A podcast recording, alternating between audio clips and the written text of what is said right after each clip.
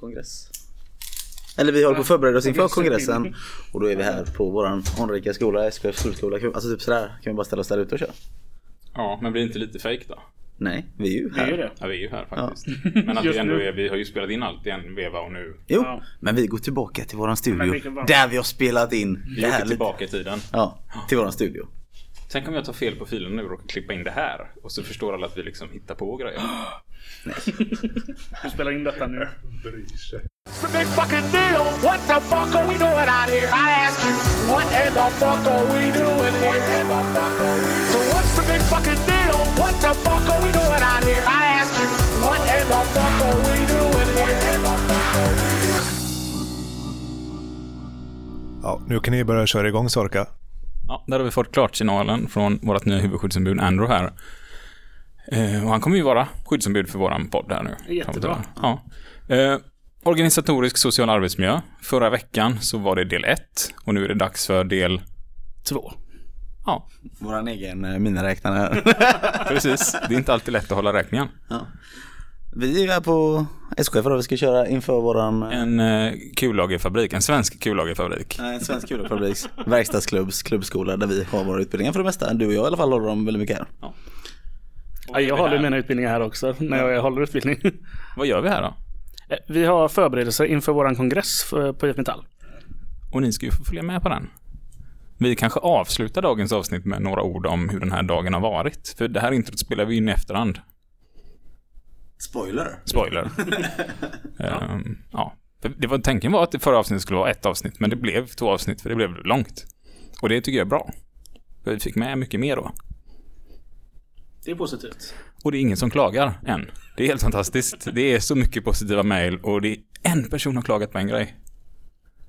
Och det var att vår ljudtekniker hade missat eh, ett filter Jaha. i ljudet. Så det var lite missljud i ett par avsnitt här. Så vi får se om vi redigerar det eller inte.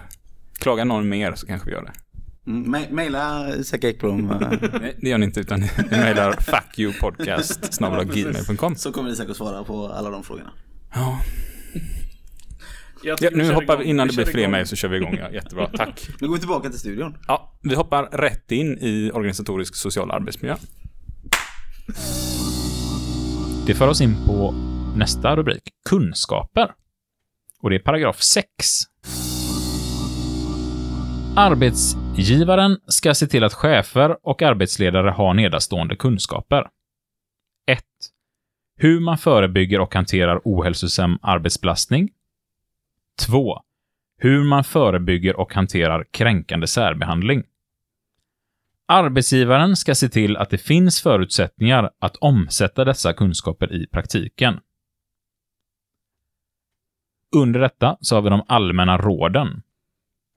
Ett sätt för arbetsgivaren att tillföra kunskaper är att ge utbildning.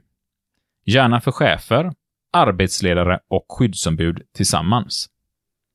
Det underlättar för chefer och arbetsledare när även skyddsombuden har motsvarande kunskaper. Utbildningen kan ges av företagshälsovård eller annan resurs med kompetens inom området. Med förutsättningar avses bland annat tillräckliga befogenheter, en rimlig arbetsbelastning och stöd i rollen som chef eller arbetsledare. Den här känns ju extremt riktad mot chefer och arbetsledare Verkligen. men även mot våra skyddsombud. Mm. Men inga krav på att skyddsombuden ska ha koll på detta. För skyddsombudrollen, det ligger ju inga krav på det sättet i den. Utan kraven ligger ju faktiskt på arbetsledare och företaget. Men om vi tittar på det först då, att arbetsgivare ska se till att chefer och arbetsledare har nedanstående kunskaper. Och då var den första, hur man förebygger och hanterar ohälsosam arbetsbelastning. De ska alltså ha kunskap om det. De ska Mm. känna till hur man förebygger det. De behöver alltså utbildning i det här. De ska kunna förebygga och hantera kränkande särbehandling. Och sen ska de också ha förutsättningar för att omsätta dessa kunskaper i praktiken. Så det räcker liksom inte att man utbildar cheferna, talar om att nu vet ni hur man gör, och sen får de inga resurser för att göra det. Så kan man inte göra. Ja, Utan, det är väldigt svårt eh, för dem att göra någonting. nu. utan de måste också ha resurserna att göra detta. Och här pratar man också i de allmänna råden om att det är väldigt bra att även skyddsombuden får gå med de här utbildningarna. Så att man har samsyn på det. Och här står det då att, eh, jag tar och läser den meningen, det underlättar för chefer och arbetsledare när även skyddsombuden har motsvarande kunskaper.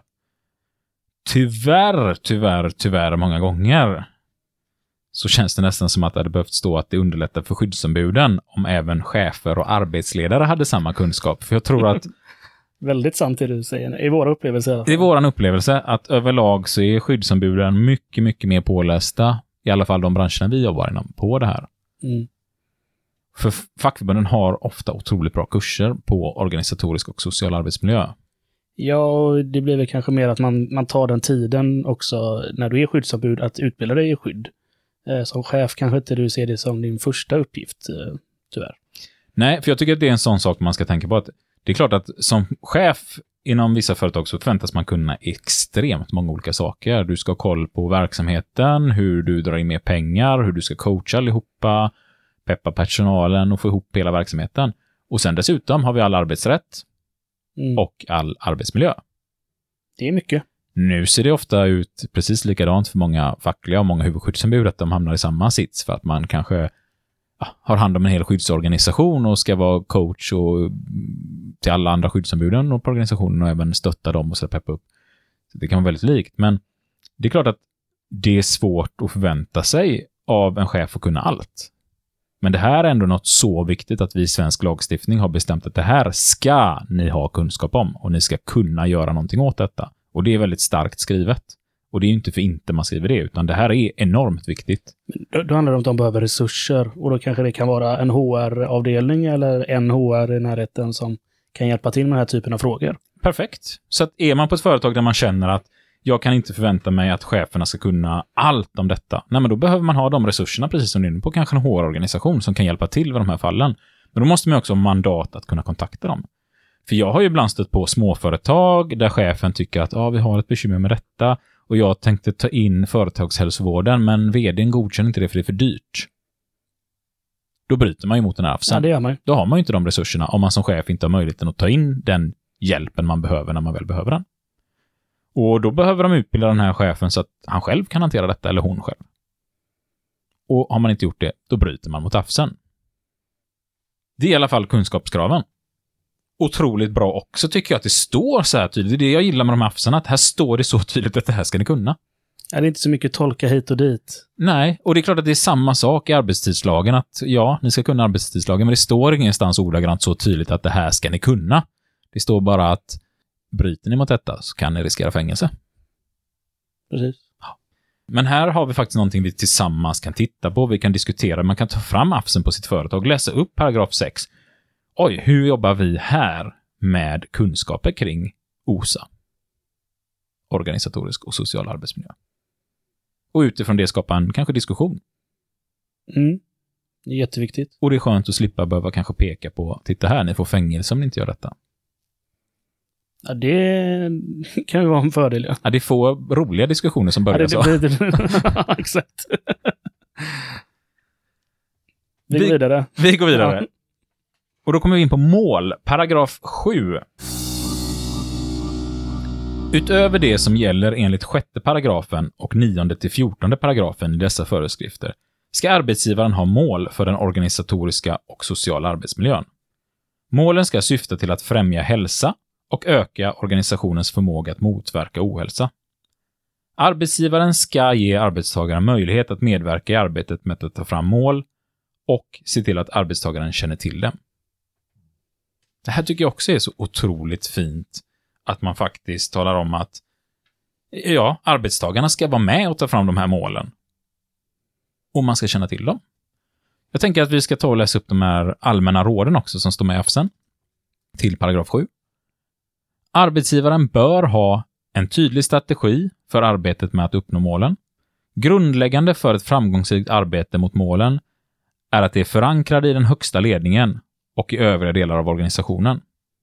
Målen kan syfta till att exempelvis stärka och förbättra kommunikation, lärande, ledarskap, samarbete, inflytande och delaktighet.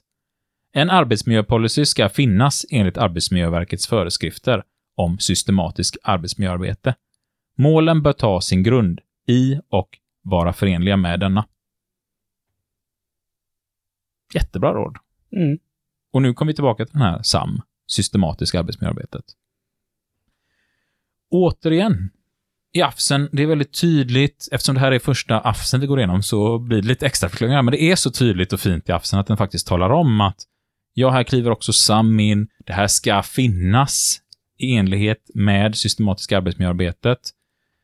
Den talar om att hela företaget bör detta vara förankrat i, även i högsta ledningen bör de här målen ha tagits fram tillsammans med personalen och finnas hela vägen genom bolaget. Mm. Det är liksom svårt att missuppfatta någonting här tycker jag. Sen kan det ändå vara klurigt. Hur ska vi få till de här målen? Hur ska de se ut? Ja, men det blir ju lite en annan sak. Ja. Det är tydligt vad som ska gälla i alla fall. Ja, och vi har diskuterat på vårt företag sådär liksom hur många, hur, hur nöjda kunder ska vi ha? Man har haft mål 87% 90% 100% nöjda kunder. Och sen kommer vi till det här målen för organisatoriska och sociala. Hur nöjd personal ska vi ha? Och det har jag alltid sagt det att, ja, men i vårt mål 97% nöjda kunder, så bör ju målet minst vara 97% nöjda medarbetare. Det är klart. Jag ser ju det som väldigt svårt om jag inte är nöjd med mitt arbete och får kunden att känna sig nöjd när den går härifrån. Det kommer ju synas. Det, för vi anställer ju inte världens bästa skådespelare, det är ju inte det vi rekryterar. De kanske kan dölja att de inte mår bra eller att de är stressade, att de inte känner att de känner en oro i magen av jobbet. De kanske kan dölja det, en duktig skådespelare. Men för de flesta av oss i landet så syns det på ett eller annat sätt om man är stressad, om man inte mår bra, om man inte trivs. Eh, det brukar sända signaler. Och det ska vi ju prata om när vi pratar ledarskapsavsnitt. När vi kommer in på det här med kroppsspråk och hur vi kan läsa. Det ska vi verkligen göra. Men, eh, men ni känner säkert igen om ni tänker framför er, liksom, vad händer med er själva när ni blir stressade? Kortisolnivån går upp, man kanske till och med får adrenalin, man känner att det börjar pumpa och röd i ansiktet, börjar svettas. Kanske till och med kri- vitblek i ansiktet kan vissa bli. Sådär. Det kommer ju synas på en kund och så ska man försöka le lite sådär falskt. Och så känner man sig inte riktigt leende och då brukar inte riktigt leendet se sådär genuint ut för ögonbrynen brukar inte le på samma sätt som munnen ler. Eller så kanske det är som så att man bara ler med halva munnen och då brukar vi människor tolka de signalerna som att här står det inte riktigt rätt till. Någonting döljer sig i ansiktsuttrycket och då känner vi så här, det är lite falskhet kanske till och med. Och då går man nog inte därifrån som en kund som känner att 100% nöjd med det här besöket. Och det kanske bara var att personen var stressad. Viktigt också med de här målen. Enligt paragraf 8.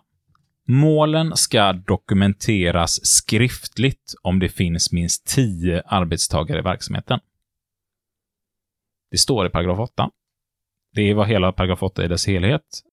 Också jättetydligt. Mer än 10 anställda. De här målen man kommer fram till ska skrivas ner skriftligt. Och kanske vara synliga då också, eller hur? eh, Eller kan, man, kan chefen skriva ner det och gömma det i en låda sen? Ja, men hoppar vi tillbaka då till eh, paragraf 7. Arbetsgivaren ska ge arbetstagarna möjlighet att medverka i arbetet med att ta fram målen och se till att arbetstagarna känner till dem. Då så. Då var det tydligt. Och då är det inte bara för den fackliga organisationen eller skyddsorganisationen som det ska vara tydligt. Man kan ju inte bara sitta och säga, ja men facket var ju med i förhandlingarna och vi kom ju fram till de här målen gemensamt. Så de känner ju alla till.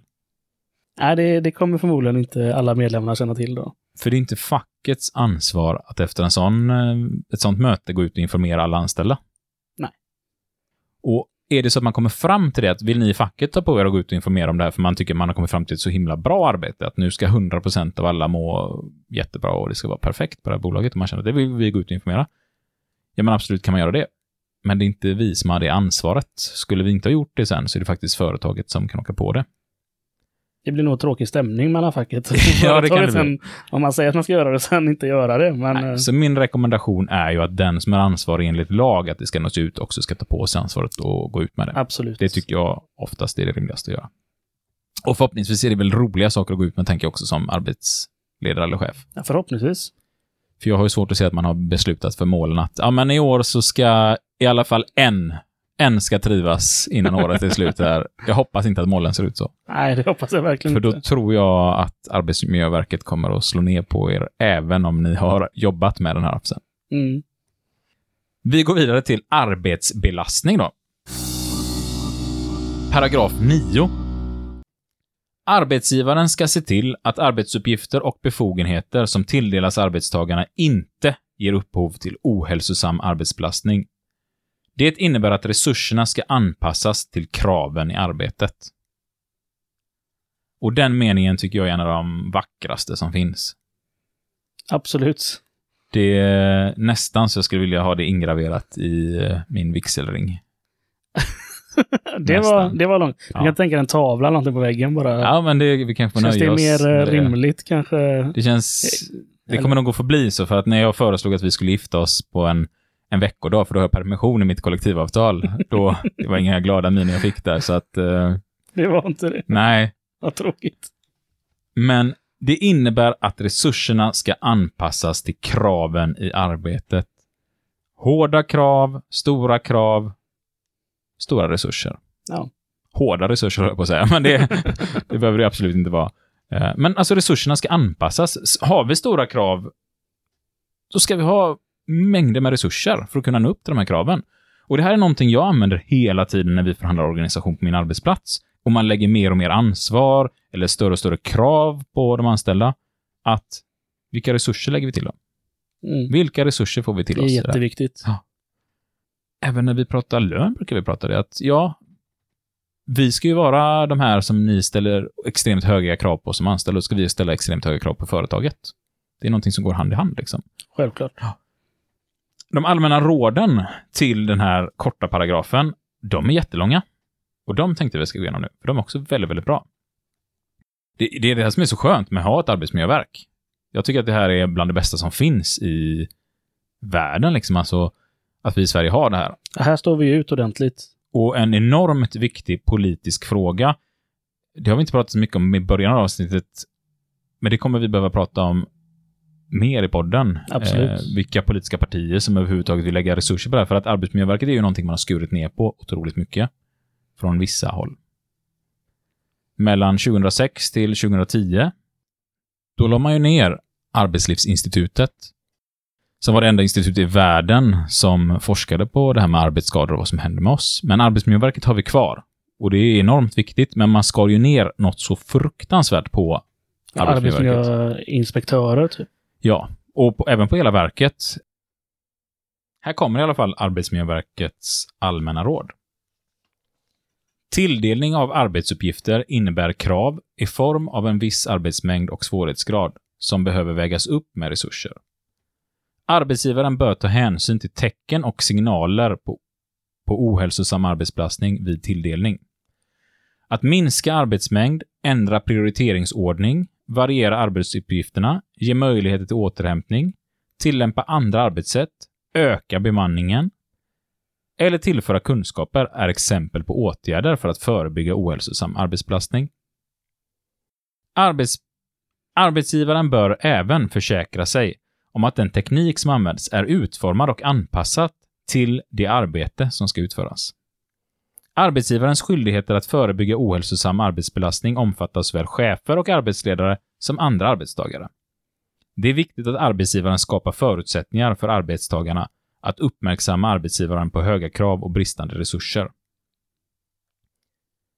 Genom att bedriva ett ledarskap som möjliggör regelbunden dialog med arbetstagarna kan tecken och signaler på ohälsosam arbetsbelastning uppmärksammas och obalanser rättas till. Det är viktigt att arbetsgivaren inom ramen för sitt arbetsmiljöarbete undersöker och åtgärdar risker kopplade till arbetsbelastning. Arbetsgivaren behöver motverka att arbetsbelastning leder till sjukdomar och olyckor.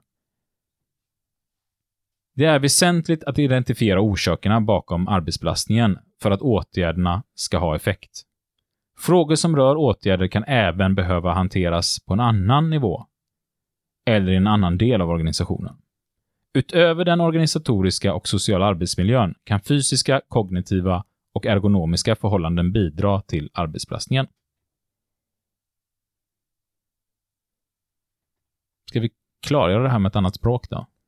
Det kanske är bra. Det var ju långt, men jag Ja, det läste vet från jag. ett papper, så jag vet inte Precis. hur, eh, hur förklarande det blev. Vi börjar från början. Ja, det gör vi.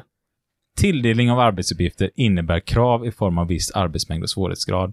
Här pratar Arbetsmiljöverket om vad är arbetsbelastning? Det här bör vägas upp med resurser, pratar de om. Och man ska ta hänsyn till tecken, signaler på ohälsosam arbetsbelastning helt enkelt. Mm. Man ska hålla koll på det. Och minska arbetsmängden kan vara ett sätt att få ner arbetsbelastningen. Prioriteringsordningar kan vara ett sådant och det kan ju vara som så att man sätter upp en lista. Att i första hand ska du göra detta, i andra hand detta, i tredje hand detta. Så när tiden inte räcker till så kan du stryka av saker. Ja, men då gör jag inte detta. Jag behöver inte städa av golvet om jag inte hinner. Jag behöver inte sortera alla pärmar i skåpet om jag inte hinner. Nu har vi en fluga som vaknat till liv här som attackerar våra papper. Ja, och den flög upp och ner på Ja, den- bordet. Den har legat här eh, 20 minuter, upp och ner. Ja. Det, Ja, ja. Och det här kan ju vara ett kognitivt eh, belastning Du för tror oss. att han har varit stressad? Ja, jag tänker för oss. Vi sitter och ska koncentrera oss här. Ja, det är klart. Eh, uppenbarligen så stör det här oss. Så att nu behöver vi prioritera bort er och lyssnare lite få bort den här flugan. Jim på ett fint sätt avlägsnade flugan från bordet. Och nu är vi tillbaka. Nu är tillbaka. Det var ett sätt att hantera arbetsbelastning. Men variera arbetsuppgifterna kan också vara en sån sak. Så att om man är på en arbetsplats där man kanske har stora emotionella problem, höll jag på att säga, men eh, man utsätts för alltså mycket känslomässiga saker, då kanske man behöver byta av med någon annan under perioder och sådär också, så att man skiftar i vem som har kontakten med patient eller kund eller vad det kan tänkas vara. Det kan ju också vara ett sätt att få ner den här arbetsbelastningen. Ge möjligheter till återhämtning kan vara en sån sak. Att man faktiskt får möjligheter att eh, ta en paus. Ja, alltså man byter av med någon eller Ja. man, man tar en annan uppgift som är mindre. Och då behöver liksom inte det viktiga vara att man... Eh, det kan vara så att man kanske behöver ta, kunna ha möjligheten till långa promenader. Fysisk belastning, så det måste ju inte vara vila som är just Nej, absolut inte. vilan i det här fallet. Utan det kan variera och det måste man titta från arbetsplats till arbetsplats. Tillämpa andra arbetssätt. Det kan vara så att man behöver byta sätt man arbetar på. Eh, eller öka bemanningen, alltså tillföra personal. Tillföra kunskaper tar man upp här också. Man kanske behöver en speciell utbildning på något sätt. Är det så att man står i butik och man utsätts för en typ av aggressiva kunder, ja, men då kanske det är en konflikthanteringsutbildning som personal behöver för att kunna styra undan ett aggressivt bemötande. Det kan vara som så att om man är, jobbar som vakt någonstans, att det kanske är någon form av självförsvarskurs man behöver så att man känner att man har tryggheten i sig själv. Att skulle den här personen gå till attack så vet jag hur jag ska hantera situationen. En larmknapp.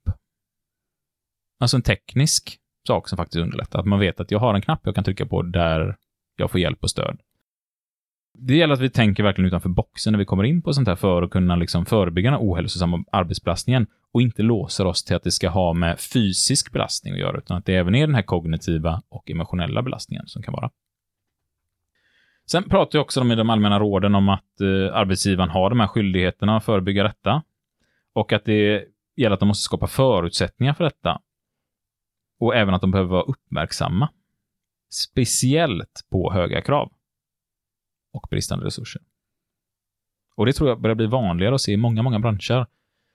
Jag vet att ah, Arbetsmiljöverket har ju en podcast som heter Hallå arbetsmiljö. De har släppt ett par avsnitt som är väldigt bra. De har ju ett avsnitt där som handlar om eh, organisatorisk och social arbetsmiljö och nu är det nog bra tag sedan jag lyssnade på den. Och där vill jag minnas att de pratar om att hemtjänsten, det var en frisk bransch.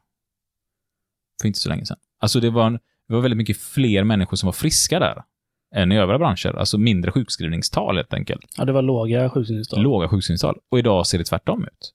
På grund av att kraven har blivit allt högre i hemtjänsten. Eh, fler patienter att ta hand om. Vårdare, vad säger man? Brukare? Brukare, Brukare. det. Det brukar man kalla det i alla fall. Haha. Ha, ja. Ehm, lite publik på det.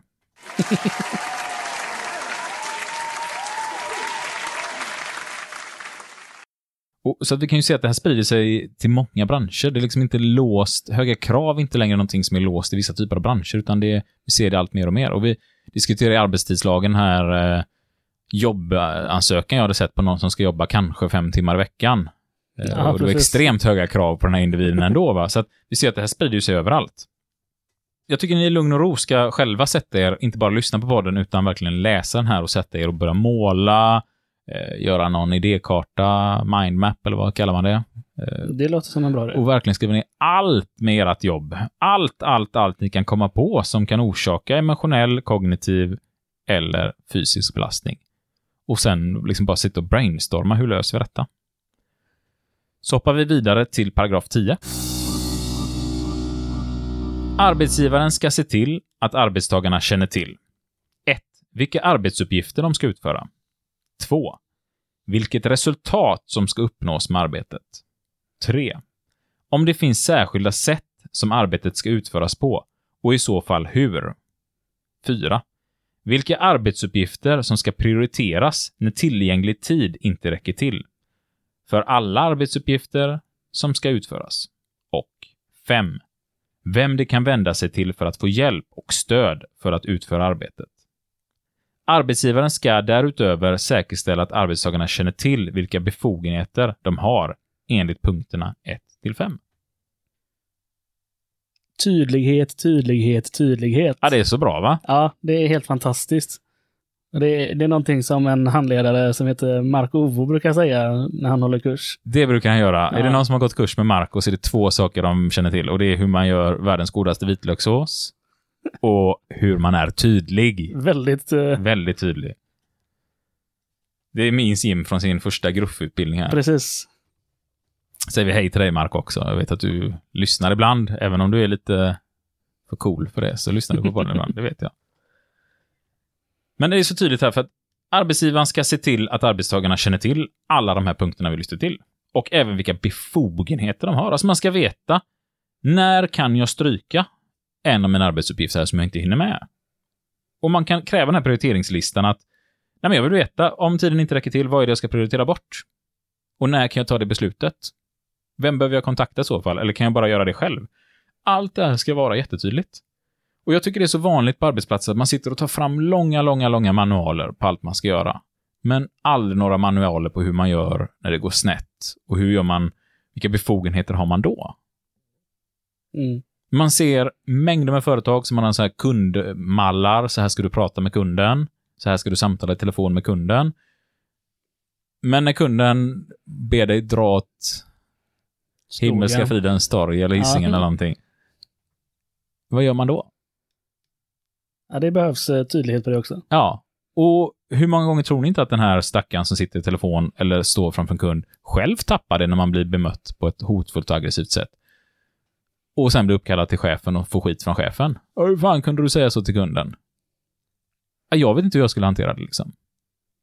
Jag är ju glad att inte jag dagligen stötte på sådana kunder i min ungdom, för då var inte jag så bra på konflikthantering och sånt där. Så ni som står och, ja, en rolig sida att följa, det är väl den här eh, Hänt på restaurang, heter den så? Det tror jag den heter, ja. Otroligt rolig sida med restaurangpersonal Ah, runt omkring i vårt land som beskriver roliga situationer. Hur man bland annat blir utskälld för att det är för kallt utomhus. Den tycker jag är helt underbar. Kan inte göra något åt vädret. Helt otroligt alltså. Nej, tyvärr, det är inte vi som styr vädret. Nej, det är dåligt. Jävligt dåligt liksom. Och så får man skit för det. det är, en sån sak är jobbig att hantera. Och då ska man veta hur hantera detta och där ska man kunna få stöd också. Och de allmänna råden här. Genom att fortlöpande gå igenom punkterna 1-5 blir det möjligt att förebygga onödiga krav och belastningar på arbetstagarna. Det kan vara lämpligt att kommunicera punkterna gemensamt till arbetstagare som delar ansvar och arbetsuppgifter för att på så vis underlätta samarbete. Arbetsgivaren bör skapa möjligheter för arbetstagaren att uppmärksamma arbetsgivaren på eventuella oklarheter som rör punkterna. Det är viktigt att arbetsgivaren tar hänsyn till arbetstagarnas olika förutsättningar när det gäller att kommunicera. I arbeten där stöd och hjälp från kollegor inte går att ordna bör arbetsgivaren se till att chefer, arbetsledare eller annan utsedd person, person är tillgängliga för hjälp och stöd. Det är så fantastiskt tydligt och bra. Alltså det, det är mycket roligare att läsa upp det här i podden än lagarna med, där vi sitter och läser upp en lag. Och vad betyder det då? Ja, det är svårt att säga. Ja, ibland betyder det här och ibland betyder det Ja, detta. men det kan också betyda det. Mm, precis. Ja. Sen beror det på vem du frågar. Och eh, det hade varit uppe i domstol, så vi vet inte. Nej. Här känns det så mycket tydligare. Bara Väldigt liksom, mycket tydligare. Ja, och är det inte tillräckligt tydlig text, ja, men läs de allmänna råden. Mm. Eh, Jag tycker det här är så skönt. Och alltså gå, gå igenom de här punkterna tillsammans med all personal. Men vi pratar också här om det här skyldigheten för arbetsgivaren att se till att man ska ta hänsyn till person, personalens möjligheter att faktiskt kunna påpeka det här. Och det kan vara språkförvissningar, att du jobbar ensam, allting. Du ska ändå ha möjligheten till allt det. Och jag tycker det är så grymt att man tar upp det här. Och ja, Verkligen. Paragraf 11. Arbetsgivaren ska vidta åtgärder för att motverka att arbetsuppgifter och arbetssituationer som är starkt psykiskt påfrestande leder till ohälsa hos arbetstagarna. Hoppar in på de allmänna råden med en gång. Exempel på arbetsuppgifter och arbetssituationer som kan vara starkt psykiskt påfrestande är att bemöta människor i svåra situationer, utsättas för trauman, lösa konflikter, fatta svåra beslut under press, där också etiska dilemman ingår. Exempel på åtgärder som bör övervägas vid starkt psykiskt påfrestande arbete, utöver det som framgår av råden till 9 paragrafen, är 1. Regelbundet stöd av handledare eller tillgång till annan expert inom området. 2. Särskilda informations och utbildningsinsatser. 3. Hjälp och stöd från andra arbetstagare. Och 4. Rutiner för att hantera krävande situationer i kontakter med kunder, klienter med flera. Det är viktigt att arbetsgivaren skapar förutsättningar för arbetstagarna att uppmärksamma arbetsgivaren på särskilt påfrestande arbetsförhållanden. Vilka åtgärder som bör väljas beror på vilka förhållanden som gör arbetet starkt psykiskt påfrestande. Mm. Vi har ju varit inne på mycket av detta redan, så det kanske inte behövs Nej, tillägga precis. så mycket mer Vi där. kanske inte behövt vara inne på det här innan. Utan den förklarar sig själv ändå till slut. Den gör ju det, men ibland går vi händelserna lite i förväg. Det gör vi. Och det är bra med, bra med repetition. Repetition är kunskapens moder. Ja. Übning macht der Meister, sa alltid min gamla tyska lärare. Henrik Thunberg hette han. Vad betyder det då? Övning ger färdighet. Ja. Fast på tyska då. Ja, nu. Och uppenbarligen så satte ju det sig. Mm. Arbetstid kommer vi in på nu. Paragraf 12. Arbetsgivaren ska vidta de åtgärder som behövs för att motverka att arbetstidens förläggning leder till ohälsa hos arbetstagarna. Kort igen. Fantastiskt. Ska vi inte hoppa in på de allmänna råden? Det får vi nog göra. Arbetsgivaren bör redan vid planering av arbetet ta hänsyn till hur arbetstidens förläggning kan inverka på arbetstagarnas hälsa. Exempel på förläggning av arbetstider som medför risker för ohälsa är 1. Skiftarbete 2. Arbete nattetid 3. Delade arbetspass 4. Stor omfattning av övertidsarbete 5. Långa arbetspass och 6 långtgående möjligheter att utföra arbete på olika tider och platser med förväntningar på att vara ständigt nåbar. Arbetsgivaren bör särskilt uppmärksamma möjligheterna till återhämtning. Arbetsgivaren bör även ta hänsyn till arbetstidens förläggning, påverka risker för olyckor. Ja, för jag förlåter, jag håller på att skratta. Ja, vad är det du börjar skratta åt? jag börjar skratta åt det här eh, långa arbetsplats och sex. Och sen, ja. eh, det är lite barnsligt. ja, Jag ska försöka samla mig här igen. du höll det ändå rätt länge. Jag höll mig rätt länge. Jag hoppar in här igen nu, men det blir stoneface på ansikte och så kör vi. Arbetstidslagen 1982 kolon 673. Anges gränser för hur många timmar arbetstagare som mest får arbeta och vilka viloperioder de minst ska ha. Arbetstidslagen anger därmed de yttersta gränserna för arbetstiden, men innehåller inga regler om hur arbetsgivaren ska ta hänsyn till arbetstidens förläggning i arbetsmiljöarbetet trots att jag var lite löjlig där och svävade iväg, så var vi inne på det här med arbetstiderna nu. Och perfekt för er som lyssnar så har vi precis haft två avsnitt om arbetstidslagen. Ja. Och då märkte ni att man tar ju faktiskt inte upp någonting om arbetstider. Det framgår ju egentligen ingenting om när ska man arbeta. Då. Nej, precis. Men den pratar ju om att arbetsmiljölagen gäller. Alltså ska man ta hänsyn till den här AFSen när man förhandlar arbetstider. Och då pratar man om att skiftarbete kan medföra risk för ohälsa. Arbete nattetid. Delade arbetspass. Vad är det? Det pratade vi inte om senast. Delade turer säger man ibland också. Ja, precis. Eh, Och vilka är det som har det? Det kan väl vara typ bussförare. eh, Spårvagnschaufförer här i Göteborg i alla fall. Eh, Och hemtjänsten, och, ja, där, man, där man vårdar folk. Lokalvårdarna hos oss vet jag har, det är inte vi själva som har dem, utan det kommer ett företag och städar hos oss. Och de vet jag kör med delade turer. Det finns säkert många fler som har det. Det kan vara lite överallt. Och egentligen innebär ju det som hos oss, att det kommer en städare till oss och städar på förmiddagen. Och sen vill inget annat kundföretag ha honom. För de vill att han ska städa efter arbetstid hos dem. Så då är han ledig. Fram till klockan sju. Då sätter han igång med sitt nästa pass. Ja, där kan man ju tycka att det finns grejer att göra, men eh, Ja, hur kul är den? Ärligt talat. När ska man vara ledig då? Så att det är ju inte undra på att eh, det kan leda till ohälsa. När du hela tiden måste sprida ut ditt arbete under dagen så att du kan egentligen aldrig riktigt få din lediga stund eller göra någonting. nej. Eh, Men det här ska arbetsgivaren särskilt uppmärksamma och möjligheterna till återhämtning ska man ha koll på där. Behöver vi gå in så mycket mer på det? Ja, vi var ju på delade pass där. Eh, Stor omfattning av övertidsarbete var också en sån sak de tog upp här. Tror knappt att vi behöver förklara varför det kan leda till ohälsa. Nej, där har vi ju ett tak i arbetsmiljölagen också och i många avtal.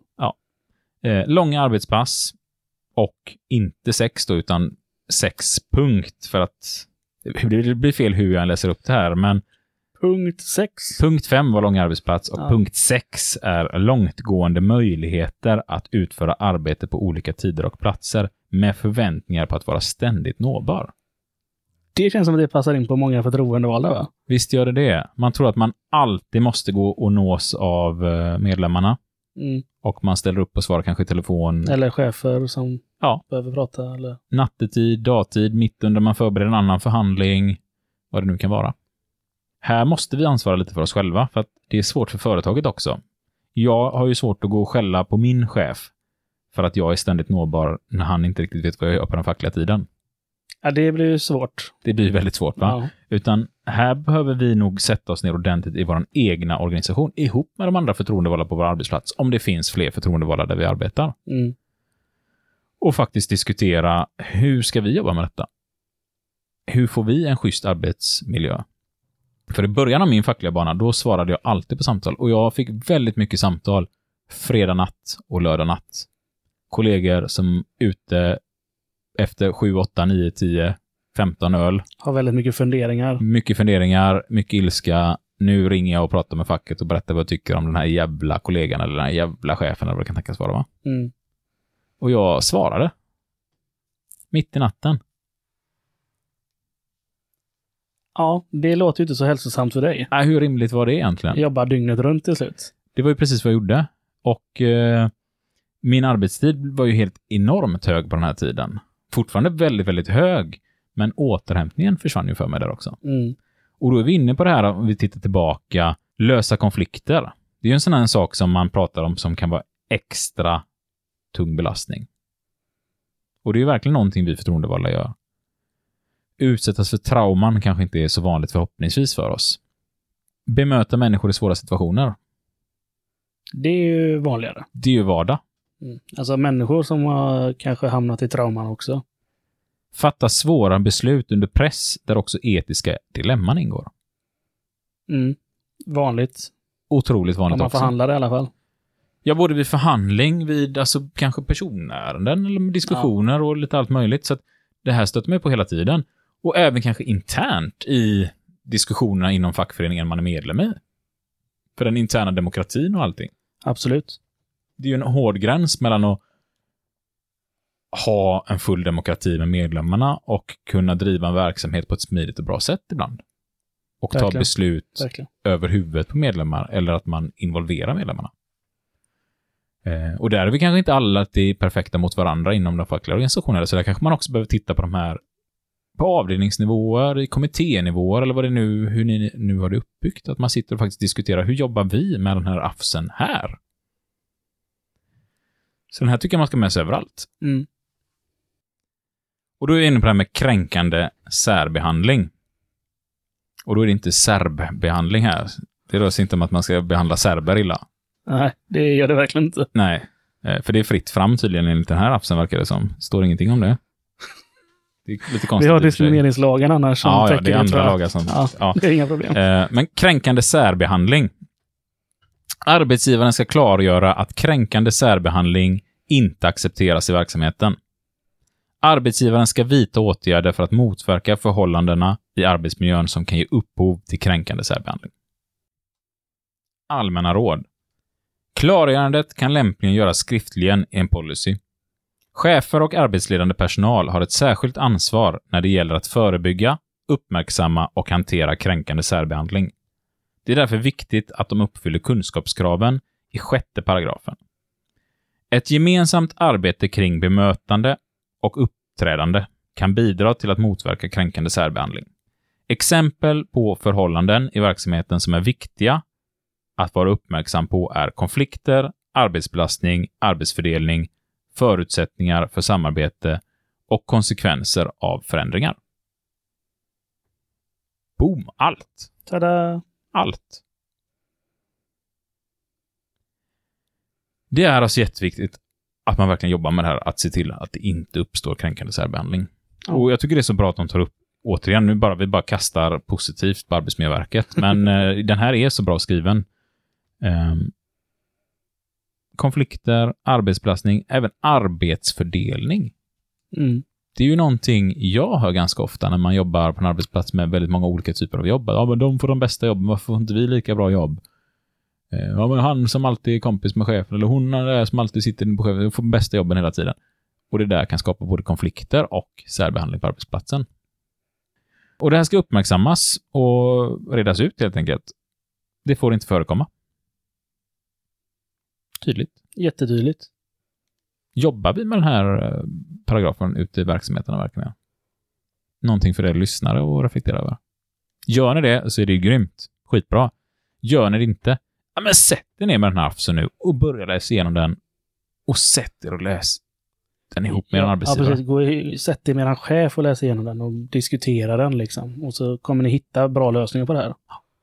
Och även för den organisationen ni själva sitter i. Eller kanske om ni är som Jim och Sebastian här som sitter med i Gatans lag. Jobbar vi med den här i våran förening? Eller jag spelar fotboll i en ordböjsklubb. Har vi det här i omklädningsrummet liksom? För det här kommer gynna vilken organisation som helst. Ja, även om man inte är arbetsgivare och arbetstagare så, så kommer det att gynna överallt. Paragraf 14. Arbetsgivaren ska se till att det finns rutiner för hur kränkande särbehandling ska hanteras. Av rutinerna ska det framgå 1. Vem som kommer ta emot information om att kränkande särbehandling förekommer. 2. Vad som händer med informationen, vad mottagaren ska göra. Och 3. Hur och var det som utsätts snabbt kan få hjälp. Arbetsgivaren ska göra rutinerna kända för alla arbetstagare. Allmänna råd. Vanligtvis rapporteras kränkande särbehandling till en chef när berörda inte på egen hand lyckats reda ut situationen. Om arbetstagaren inte kan vända sig till närmsta chef kan arbetstagaren vända sig till en högre chef. Arbetstagare kan dessutom vända sig till skyddsombud. Det kan finnas behov av att ingripa snabbt och göra en bedömning av situationen för att förhindra att den förvärras och se till att punkt 3 är ombesörjd. Arbetsgivaren kan ge företagshälsovård eller annan sakkunnig uppdraget att ge stöd och hjälp. I Arbetsmiljöverkets föreskrifter om systematiskt arbetsmiljöarbete finns regler att om någon arbetstagare råkar ut för ohälsa eller olycksfall i arbetet och om något allvarligt tillbud inträffar i arbetet, ska arbetsgivaren utreda orsakerna så att risker för ohälsa eller olycksfall kan förebyggas i fortsättningen. Ett undermåligt utredningsförfarande när det gäller kränkande särbehandling kan vara skadligt både ur arbetsmiljö och hälsosynpunkt. Den som genomför en utredning bör därför ha tillräcklig kompetens, möjlighet att agera opartiskt och ha berördas förtroende. Arbetsmiljölagstiftningens ändamål är att förebygga ohälsa och olycksfall och reglerar inte frågor om kompensation och skuld. En arbetstagarorganisation eller juridiskt ombud kan ge juridisk hjälp. Det var ett långt allmänt råd. Det var det. Och det jag vill att vi verkligen lägger på minnet här. Ett undermåligt utredningsförfarande när det gäller kränkande särbehandling kan vara skadligt både ur arbetsmiljö och hälsosynpunkt. Den som genomför en utredning bör därför ha tillräcklig kompetens. Alltså man talar om hur viktigt det är att den som gör den här utredningen har kompetensen för exempelvis då konflikthantering. Möjlighet att agera opartiskt. Man talar alltså om här i lagstiftningen att man ska vara opartisk i det här läget Jätteviktigt. och ha de berördas förtroende. För det här är en sån grej, ofta när jag håller en förhandlarutbildning. Då har vi lite olika case och så brukar jag och Sebastian sitta och spela chefer och så får deltagarna ett case, någonting har hänt, de får massa information om en medlem som har råkat ut för någonting och så kommer de in till oss. Och så brukar det oftast vara som så att någon av mig och Sebastian har behandlat en anställd jävligt illa. Och då brukar vi föreslå att den personen också ska hålla utredningen. Det är lite kul. Och det blir långa diskussioner. Oh, hur ska vi lösa detta? Och de tycker, nej men det känns inte rätt. Det är ju han som är problemet här, kanske har varit sexuella trakasserier. Och säger han, men det är ju, det är ju Sebastian som har sexuellt trakasserat våra medlem. Han kan ju inte ha utredningen. Ja, men han är chef, vi leder väl och fördelar arbetet, brukar vi säga då. Och de har så svårt att hitta, vad ska de stötta sig i detta? De vet bara att det är fel. Men var juridiskt hittar man detta? Och det är så sällan de tar fram den här afsen. Efter utbildningen gör de ju det. För vi brukar Ja, vara är duktiga på att poängtera det här efter de varit inne första gången och förhandlat och det inte kanske har gått så bra för dem. Men här står det ju, det framgår ju här, att personen ska ha tillräckligt med kompetens, agera opartiskt och ha de berördas förtroende. Den är ju guld att ta fram i de här lägena. Och då är en chef som har utsatt någon inte det. Högst sannolikt inte. Det är ju märkligt om det skulle finnas ett starkt förtroende där då. Ja. Ja. Jag tycker det är så tydligt den här.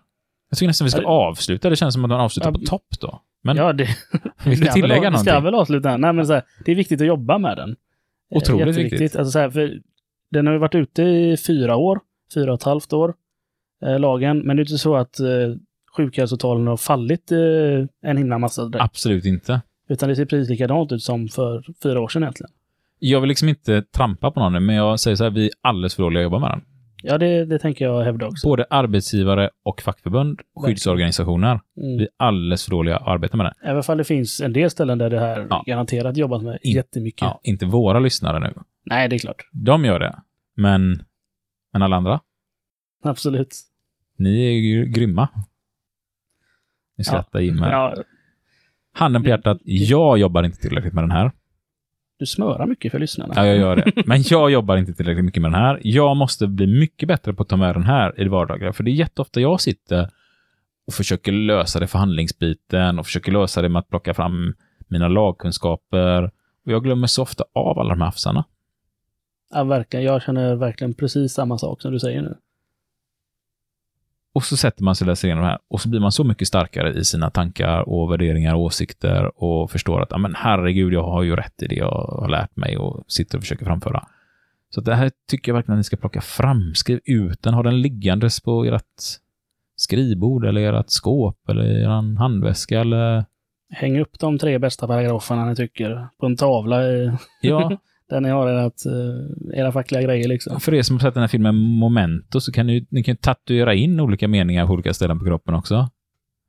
Det kan man göra utan att ha sett filmen. Ja, det kan man faktiskt. Om man Det är inget krav. verkligen vill det. Du var ändå på väg att skriva det i din vigselring. Ja. Ni ser.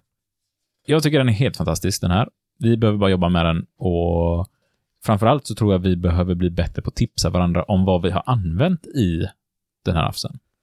Det är en jättebra idé.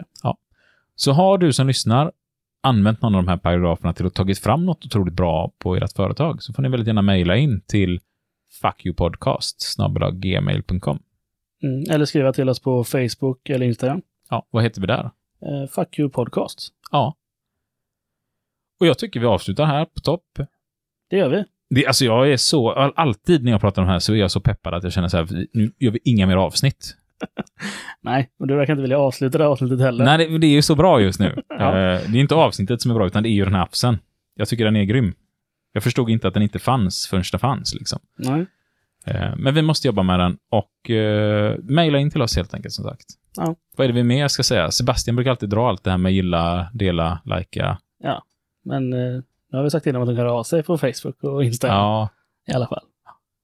Så känner vi säger det inte så coolt som han gör. Nej, men Det det, lite synd att han det, går, det går bra idag. Ja, Tack så Sebastian. mycket för idag.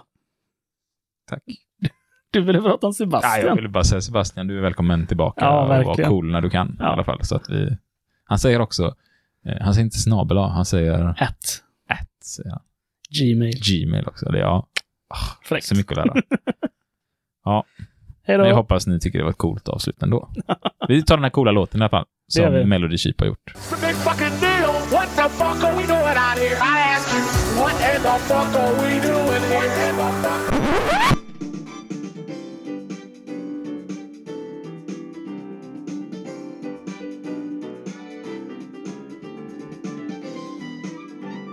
Du sparkar min kepo. Nej, du kan inte få tillbaka din keyboard. Vi har den i podden nu. Pappa och min tuppo. Ja, okej okay då.